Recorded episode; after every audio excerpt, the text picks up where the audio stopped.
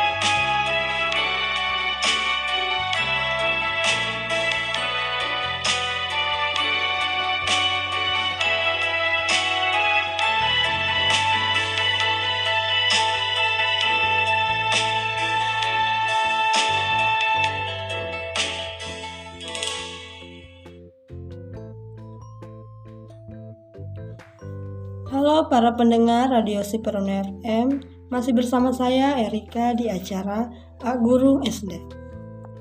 Bersama Pak Adil yang akan memberikan materi belajar untuk adik-adik.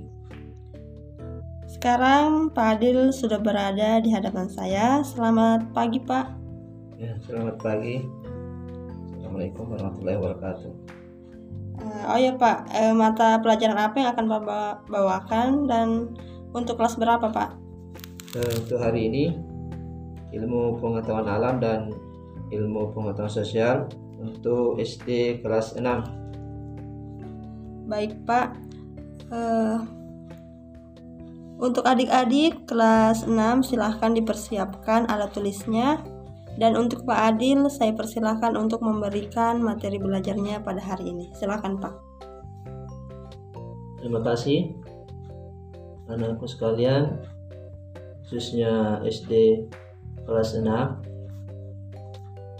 dan para pendengar Radio Sikorenu kembali bersama saya dalam acara Abro SD eh,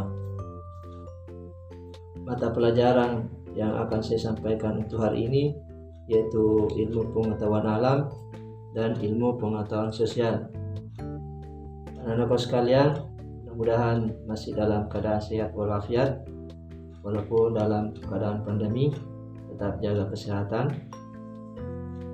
Baiklah untuk ilmu pengetahuan alam adalah mengenal uh, bunga. Jadi pada pertemuan sebelumnya saya sudah uh, jelaskan yaitu bagian-bagian bunga dan fungsinya. Sekarang yang saya ingin jelaskan pada siswa kelas 6 yaitu proses penyerbukan tumbuhan biji. Eh, anak-anakku sekalian, pembuahan atau bahasa biologinya itu fertilisasi itu adalah sebuah peristiwa peleburan sel kelamin jantan atau sperma dengan sel kelamin betina atau ovum. Proses ini hanya dapat terjadi antara bunga yang sejenis. Pada tumbuhan biji, pembuahan terjadi di ruang bakal biji Bagaimana prosesnya? Ya, insyaallah kita akan bahas sebentar bagaimana proses pembuahan pada tumbuhan biji. Jadi prosesnya pertama setelah penyerbukan kepala putih menghasilkan cairan gula untuk memberi makan serbuk sari yang melekat jadi kepala putih menghasilkan cairan gula untuk memberi makan serbuk sari yang melekat. Kemudian yang kedua, mula-mula dinding serbuk sari mengembang. Kemudian dinding luar serbuk sari pecah. Sedangkan dinding sebelah dalam melengkung ke dalam menembus kepala putih kemudian membentuk buluk serbuk sari atau tabung serbuk sari menuju ke inti sel telur di dalam bakal biji melalui celah kecil yang disebut dengan mikrofil. Kemudian ketiga, selama perjalanan serbuk sari di dalam tabung sari menuju bakal biji, terjadi beberapa perubahan. Inti sel serbuk sari membelah menjadi dua, yaitu inti vegetatif dan generatif. Inti vegetatif berfungsi untuk mengatur pertumbuhan tabung serbuk sari sehingga mencapai mikrofil dan setelah itu inti vegetatif mati. Sedangkan inti generatif membelah lagi menjadi dua inti sperma. Dua inti sperma ini akan masuk ke ruang bakal biji mikrofil. Yang keempat, di dalam ruang bakal biji atau kandung lembaga pun terjadi proses untuk membentuk sel telur atau ovum.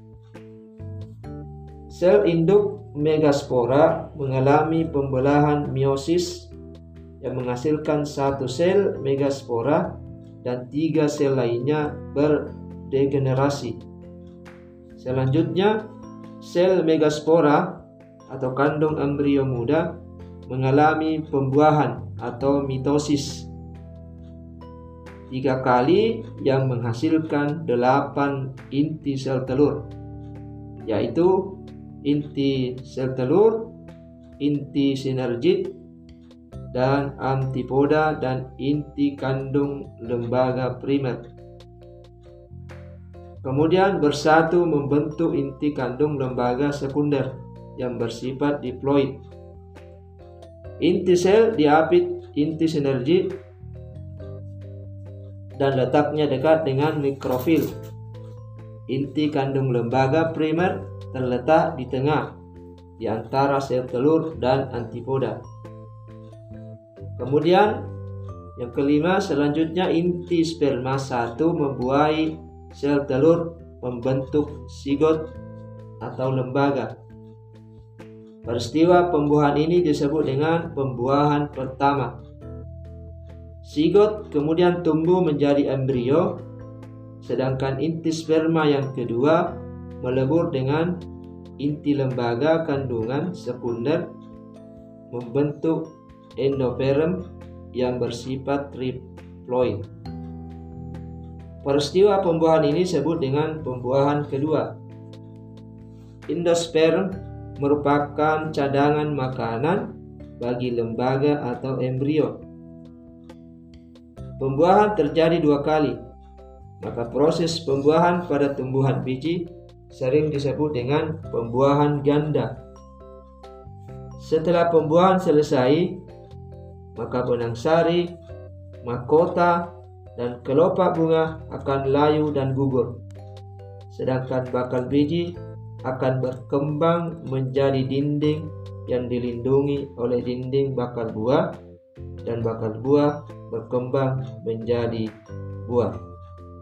Nah, itulah anak-anakku sekalian, proses penyerbukan tumbuhan biji yang sempat saya sampaikan pada anakku sekalian. Mudah-mudahan bisa dimengerti. Kalau belum dipahami bisa mencari referensinya, bisa bertanya kepada guru atau cari buku di perpustakaan. Saya kira demikian untuk IPA. Baik para pendengar radio Siperon FM, kita break sebentar sambil dengarkan lagu berikut ini.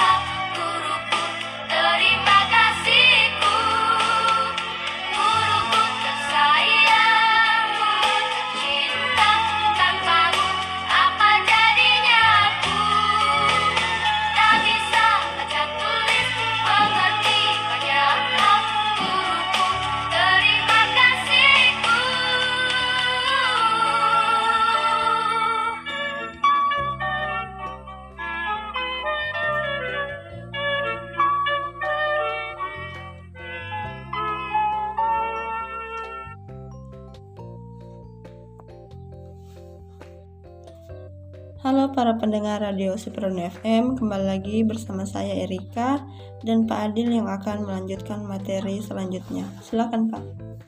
Ya baiklah, itu yang kedua itu adalah mata pelajaran ilmu pengetahuan sosial. Jadi pembahasannya adalah keadaan sosial negara-negara di Asia Tenggara. Jadi kita akan bahas keadaan sosial yang eh, apa negara tetangga kita yang ada di Asia Tenggara. Yang pertama negara Brunei Darussalam.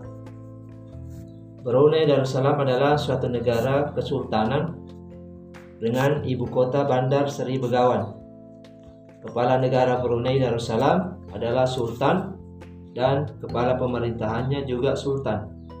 Sebagian besar penduduknya adalah orang Melayu. Bahasa kebangsaannya adalah Melayu dan agama resmi adalah agama Islam. Brunei Darussalam terkenal sebagai pengekspor minyak mentah, gas alam, dan produk minyak. Gunung yang tertinggi ialah Gunung Pagon. Sungai Belait merupakan sungai terpanjang di negara ini. Kampung Air adalah desa terapung di Brunei Darussalam. Tahun 1400, Kampung Air sempat menjadi pusat pemerintahan. Saat ini banyak penduduknya yang memiliki perahu pribadi dan disimpan di bawah rumah apung mereka. Kemudian negara tetangga kita yang kedua yaitu Malaysia. Malaysia adalah sebuah negara kerajaan dengan ibu kota Kuala Lumpur. Kepala negara Malaysia adalah raja. Sedangkan Kepala pemerintahan adalah Perdana Menteri.